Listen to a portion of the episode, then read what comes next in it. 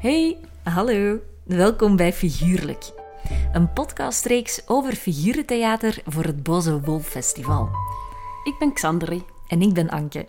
En wij zijn op bezoek geweest in de ateliers van een aantal theatermakers. We zagen marionetten, Poppen, snijmachines, penselen, stillevens, hout karton en nog veel meer. en al die dingen willen we ook aan jou laten zien. Of laten horen eigenlijk. Dit is aflevering 3 over objecttheater. Er is iemand die speelt en niemand die kijkt. Dat is theater. Meer hebben we eigenlijk niet nodig. Een speler en een toeschouwer op hetzelfde moment in een ruimte.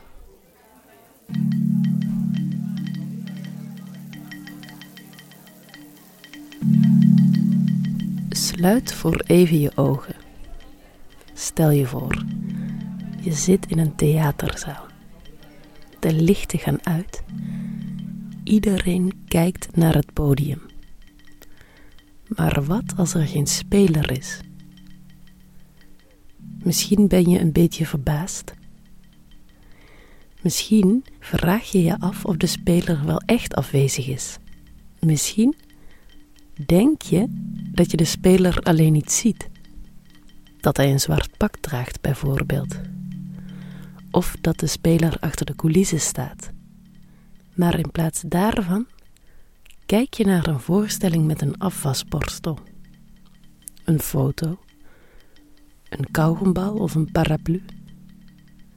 Een voorstelling met objecten. Daar gaat deze derde aflevering over. Over objecttheater. Ik bezoek voor deze aflevering de ateliers en werkplekken van theatermakers Charlotte Boekaert en Benjamin Verdonk. Allebei makers die houden van ding.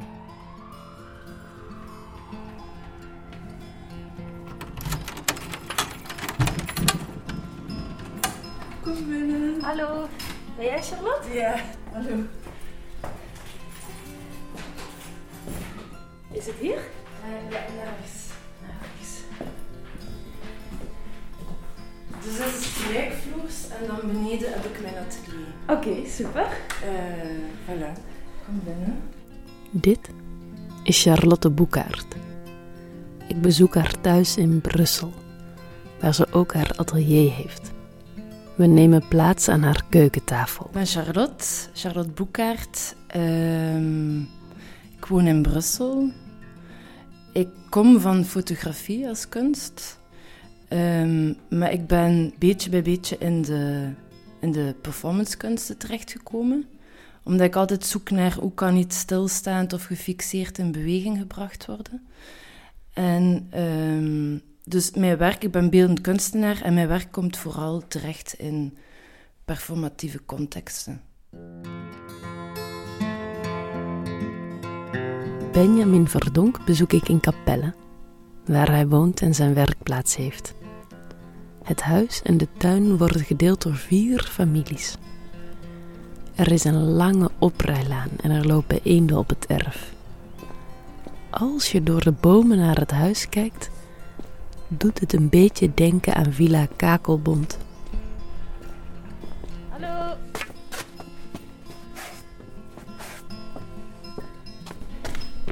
Dank u. Hallo, hallo. Ga je de hele tijd vaststaan of moeten we dat ergens opzetten? Ik, uh, meestal ga ik Ja, oké. Ook bij Benjamin zit ik aan de keukentafel. We drinken koffie met havermelk. Ik heb toneelschool gedaan, eh, Conservatorium Antwerpen, opleiding Dore van der Groen. En ehm, ik ben meteen daarna bij een aantal, eh, eigenlijk vooral bij Hollandia gaan spelen. En terzelfde tijd eigenlijk, en, en zeker daarna, eh, mijn eigen eh, taal gezocht. Ehm, ben ik op een bepaald moment terechtgekomen in, eh, in het Nieuwpoorttheater. En ik heb het gevoel dat ik daar zo een aantal voorstellingen heb gemaakt waarvan ik het gevoel had van ja, dat zijn zo de... Deze is mijn taal, deze is wat ik wil vertellen. En waar dat ik eigenlijk naar op zoek was, was ehm, eh, dingen. Charlotte en Benjamin hebben allebei een liefde voor dingen. En een liefde voor kijken. Uh, in mijn werk staat eigenlijk het, het kijken centraal. Ik vind dat, we daar... Allee, als je mij bijvoorbeeld zou vragen van hoe ziet je glas eruit... Uh, waar dat je dagelijks uit drinkt, zou ik het al heel moeilijk kunnen omschrijven. Dus ik vind het heel fijn om, om aandacht te geven aan iets, uh, waardoor dat er iets in beweging wordt uh, gebracht in ons hoofd of gewoon fysiek op scène. Die dingen waar ik aanvankelijk mee werkte, dat waren heel uh, archetypische dingen, omdat ik hield, en nog altijd, ik hou heel hard van heel um, archetypische verhalen, wat ik op dat moment heel hard las in zo Zuid-Amerikaanse schrijvers als um, um, Borges, Cortázar, uh, die, die zo... ik hou van een donker bos, een wit paard, een zwaard, een vuur, een brood. ik vond een brood nu eenmaal heel, heel veelzeggend.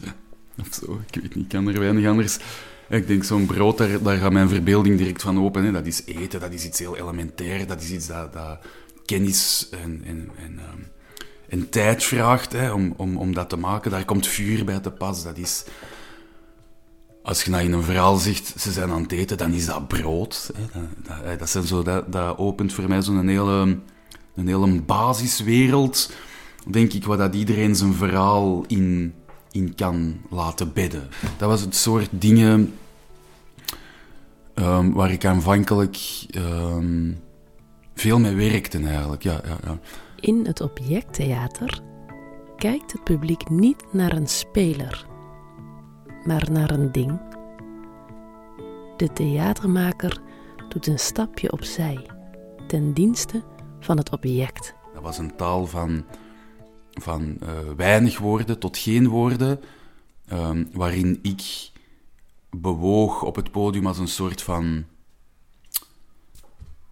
performer slash machinist. Machinist in de zin van het in beweging brengen of hanteren, of ik weet niet of poppenspeler, maar in mijn geval waren dat dus geen poppen. Um, dan dus die dingen te laten bewegen. Ik liep daar wat tussen rond. En ik denk dat dat zo wat ja, krijtlijnen van een verhaal waren. Ik ben zelf geen actrice, of ik ben ook niet echt performer. Ik ben meer iemand die acties uitvoert op scène, waardoor dat er beelden ontstaan of beelden veranderen. Dus voor mij in mijn werk ben ik een soort activator van object of foto. Ik manipuleer, denk ik. Ik transformeer waardoor dat er iets ontstaat. En tekst is wel aanwezig in mijn werk, via audiofragmenten, maar ik spreek zelf niet. Um, dus het, het, het object die voor zichzelf spreekt, doordat er aandacht wordt aan gegeven, denk dat dat ons ook allemaal verbindt. Figurentheater bestond lange tijd uit handpoppen of marionetten. Na 1900 komt er met de opkomst van de Nederlandse kunstbeweging De Stijl meer aandacht voor basisvormen en basiskleuren. Maar het zal nog tot de tweede helft van de 20e eeuw duren voordat het objecttheater in Vlaanderen ontstaat. Zowel Charlotte als Benjamin maken objecttheater. Maar wat is dat eigenlijk? Uh, een moeilijke vraag.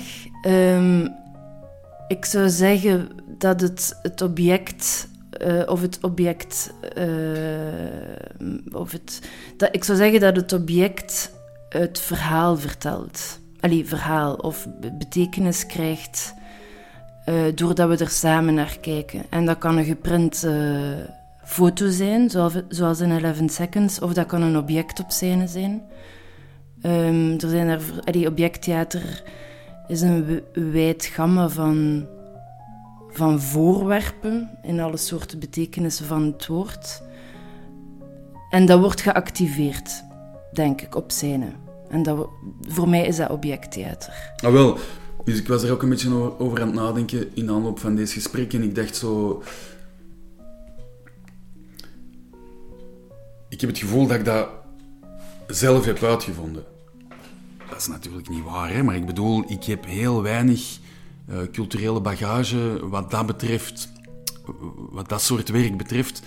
Um, en ik ken heel weinig van de geschiedenis van dat soort werk. Dus ik kom echt uit die, die veel klassiekere tekstbenaderingen. En ook het werk dat ik heb gezien en wat ik heb geleerd en veel gedaan en zo, is ook dat. En daar binnenin heb ik eigenlijk mijn eigen, mijn eigen weg gezocht. Um, dus, is dat, weet ik eigenlijk allemaal niet zo. Voor mij is dat echt gekomen vanuit een, die traditie van die acteur, die soevereine acteur. En eigenlijk deze soevereine acteur, ik, die beslist om een stap opzij te zetten ten voordele van de dingen. Dus als ik al voor mij een definitie moet geven van mijn objectentheater, hè, en ik kan alleen van mijn ding, dan, is dat, dan zie ik dat als die acteur, die actor, die een stap opzij zet. Voilà, eigenlijk, die een stap opzij zet. Het publiek kijkt bij objecttheater dus niet naar een speler, maar naar een ding. Naar de vorm, de kleur of het materiaal. Soms lijkt het object zelfs te bewegen door een spel met licht, kleuren of schaduwen. Zoals in Charlotte's laatste voorstelling 11 Seconds.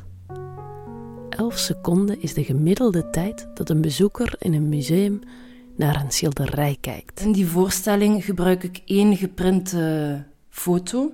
Eén, en daar kijkt het publiek 55 minuten naar. Drie, vier, dus dat is ook terug van hoe kan een fotografisch stilstaand beeld, vijf, zes, hoe ver kan ik gaan zeven, om daar alles uit te halen. En dat is een, um, acht, dat is een heel banale foto van een buitenaanzicht van het Guggenheim Museum in New York. negen, tien, En dus 55 minuten um, wordt er constant verschoven, wordt er een spel gespeeld. Op die foto staat er bijvoorbeeld een, twee, een man of een vrouw, want dat is niet goed zichtbaar, die op een bankje zit vier, voor het Guggenheim. En dan zoom ik daarop in en dan hoorde een tekst van Rodin vijf, over de denker. zes, zeven, En dan plots acht, ontdekte in dat beeld een ander, een ander verhaal. En zo breng ik uh, het kijken in beweging eigenlijk. negen, tien, Ja. elf. Eh, ook op, op theater was ik ook heel een tijd bezig naar, heel een tijd op zoek naar iets dat niet, noodza- niet, niet, niet een standpunt is, iets dat vergelijdt van het een naar het ander. En dat waren ook eigenlijk mijn eerste voorstellingen, waren eh, dingen die van een toestand in een andere toestand overgingen. Bijvoorbeeld, ik had papieren bloempjes en die gaf ik dan eh, in het begin van de voorstelling water en op het einde van de voorstelling ja, hadden die inkt opgezogen en waren die helemaal zwart geworden en waren die, en waren die kapot. Tafel Molenbeek, eh, 10 september 2021. Charlotte werkt aan een nieuwe voorstelling over stillevens. Aan het maken van een voorstelling gaat bij Charlotte een lange periode van onderzoek en studies vooraf. Wat, wat, ik, ehm, wat ik bijvoorbeeld al jaren doe, is dat ik op mijn tafel een boekje liggen heb, waar dat ik af en toe opschrijf wat er allemaal op mijn tafel ligt. Ik doe dat nu ondertussen al acht jaar of zo. Rond de tafel. En 1 april, als ik daar dan in blader, dan, dan zie ik dat er altijd meer en meer op mijn tafel komt te liggen doorheen de jaren. Een bakje voor te betalen. Of dat ik ook niet meer binnenrook. Kandelaar met gele kaars. Of dat ik meer kandelaars eh, op mijn tafel staan heb. Postzegels. Dus dat is een, heel, dit is een proces wat al heel lang bezig is. Recommandébrief van fascinatie voor ehm, ja, hoe dat we een, onze alledaagse esthetiek op tafel, hoe dat we dat vormgeven. Fles water, kop zonder oranje stift, paarse de krant van 1 april, sigarettenblaadjes, portefeuille, tafel buiten, leupen, vier onderleggers, tafel, tafel Molenbeek, 10 september van Bel 2021, één wijnglas, een zwarte assenzakje met een koffiekan met bloemen, koffietas,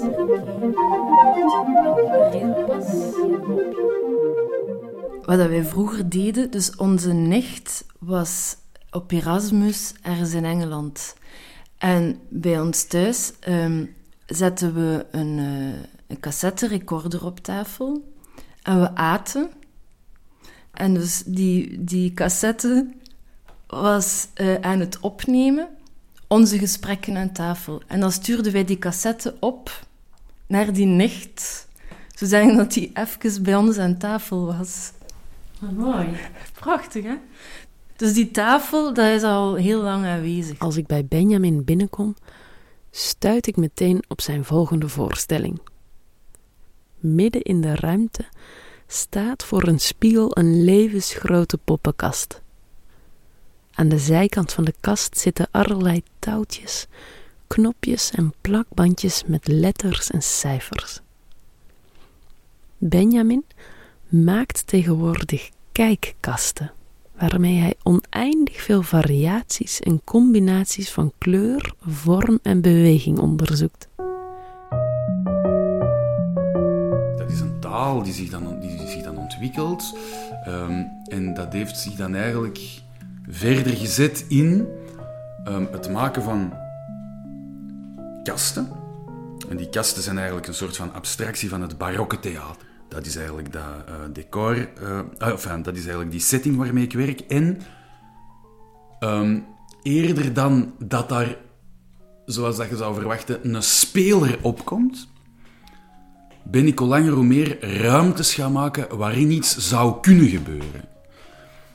En natuurlijk, het vergelijden van die ene ruimte naar die andere ruimte is wat dat er gebeurt, maar in mijn kop, en de reden waarom dat ik dat maak, is dat dat...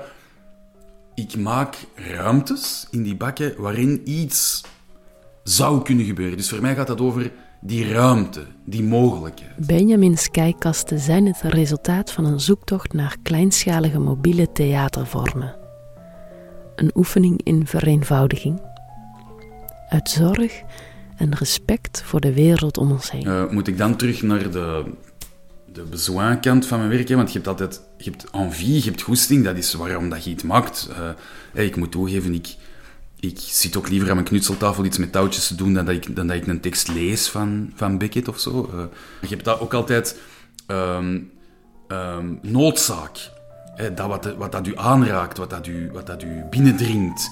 En dat is de, de ecologische mutatie. Dus, dus dat, is een, dat is een heel groot onderdeel geworden van mijn werk. En dat heeft zich vertaald in bijvoorbeeld die bakken. Dat die klein kunnen zijn en wendbaar. Benjamin's zorgen over de ecologische gevolgen van het menselijk handelen zijn dus mee bepalend geworden in zijn werk. Zo maakte Benjamin tijdens de lockdown de voorstelling Wereldtournee in Antwerpen. Met een kleine kijkkast ging hij een half jaar lang op pad. Hij had verder niets nodig. Geen licht, geen kostuums. Hij vroeg mensen op straat simpelweg of hij voor hen mocht spelen. Hij speelde aan een postkantoor, op sportveldjes, op een hoogtewerker aan een appartementsblok of aan een bushokje. We komen binnen langs hier, langs de tuin. Charlotte neemt me mee naar haar atelier onder het appartement waar ze woont. Dachtenkamer. Het zijn drie aangrenzende kamers. Waar dat er dingen op de muur hangen. Als Charlotte me rondleidt, heb ik het gevoel een kijkje te krijgen in haar hoofd. En wat ik ook doe, ik ga heel veel uh, op ImoWeb kijken. Um, naar, naar appartement. Ik ben dus heel veel verhuisd. En daar, um, daar zie je heel... Wacht, ik ga het je tonen. Dat zijn allemaal... Dus dat is dan de slaapkamer dat ze fotograferen. En dat zijn allemaal dezelfde bedovertrek die mensen hebben. Dus je ziet iedere keer een andere kamer, maar met hetzelfde IKEA-bedovertrek uh, die mens, waar de mensen in slapen. En ik vind dat uh, aandoenlijk. Ze heeft pretoogjes als ze vertelt over de afbeeldingen aan de muren. Dus iedereen kijkt, iedereen op die foto, mensen kijken allemaal, gaan er allemaal onder gaan kruipen. En er zijn er dus nog honderden anderen die onder hetzelfde bedovertrek kruipen.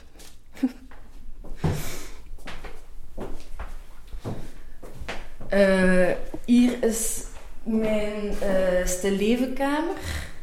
Maar dus dat is nog volledig in ontwikkeling. Dus het zijn objecten die op, uh, op een tafel staan en waar dat ik dan naar kijk en probeer bijvoorbeeld al categorisering van te maken van oké, moest ik iets moeten selecteren, wat selecteer ik, waar plaats ik het?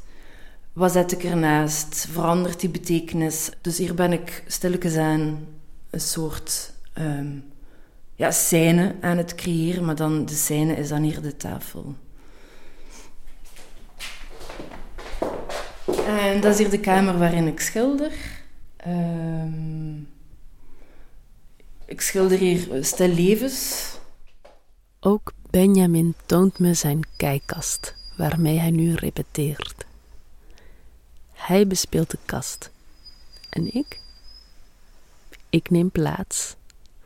Ik kijk naar de vlakken die verschuiven, de kleuren en de schaduwen die lichten werpen. Mm, hoe moet ik dat nu beschrijven? Dus dat is een. Um, wat is dat? Een aantal rails. Uh, een aantal rails en daarop schuiven vlakken. Um, een poppenkast is wel, misschien wel makkelijk. Hè? Dus een poppenkast heeft een opening en heeft, zoals in een theater, ook um, um, zijwanden waarachter dingen weg kunnen. En dan kan ik aan één kant staan, dan kan ik met behulp van touwen, um, kan ik, zoals, een, zoals een zeiler, kan ik eigenlijk in dit geval vlakken, geen zeilen, naar beneden laten komen, naar boven laten gaan. En die vlakken die hebben allemaal andere kleuren of andere vormen. En daardoor kan ik door bijvoorbeeld één vlak half dicht te trekken en daarachter een ander vlak naar beneden te laten gaan, kan ik uh, composities maken. En zie je, dan gaat daar midden dat luik dicht. En dan als ik aan de andere kant trek, dan gaat dat open.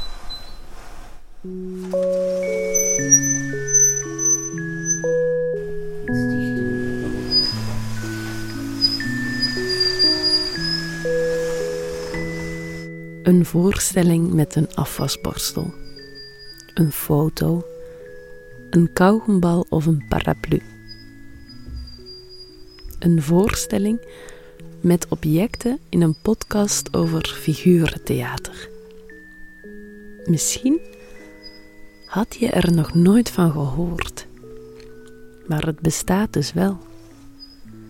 Objecttheater laat je de functie van een object even vergeten en op een andere manier naar alledaagse dingen kijken.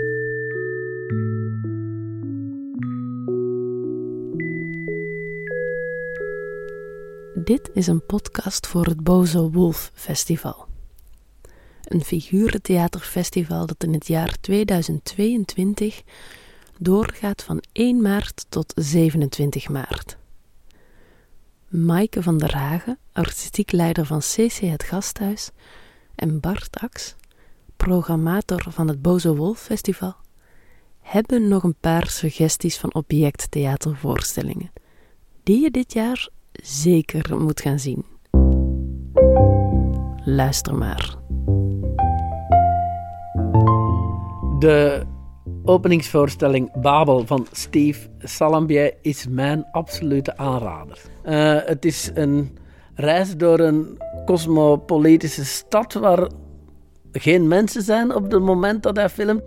In de voorstelling worden heel veel, maar echt heel veel maquettes. Traag en snel gefilmd, er komt beweging in. We komen in die wereld thuis, we zitten in die vergaderruimtes. Je kijkt overal in en, en het is het, precisiewerk van Steve, die met die camera heel rustig, maar ook uh, specifiek overal in die maquettes filmt, zodat er een soort van leefwereld naar boven komt. Andere voorstelling die je zeker moet komen kijken is De Stad van Wit Wit. Zij hebben vorig seizoen eigenlijk een try-out gedaan van de stad. En dat was al heel veelbelovend. Zij creëren eigenlijk hun eigen wereld, de stad. En dat begint zo met een berg die heel mooi is uitgelicht. En dan ga je zo verder en dan kom je in de stad en dan zie je hoogbouw, dan zie je laagbouw. En dat is ook in, echt in alle kleuren van de regenboog uitgelicht. En hoor je ook allerlei geluiden. En dan komt er ook beweging in die stad. Mensen komen thuis, ze vertrekken. En dan valt er iemand naar beneden. Maar dat wordt dan ook weer zo mooi gedaan. Van ja, en hoe gaat dat eindigen? Wat gebeurt er? Op de website bozewolffestival.be kan je zien welke voorstellingen er spelen. Deze podcast werd mogelijk gemaakt door CC Het Gasthuis en de Zendelingen. De montage van deze aflevering gebeurde door mezelf. Ik ben Xandri van de Besselaar en ik bezocht ook de ateliers van de objecttheatermakers.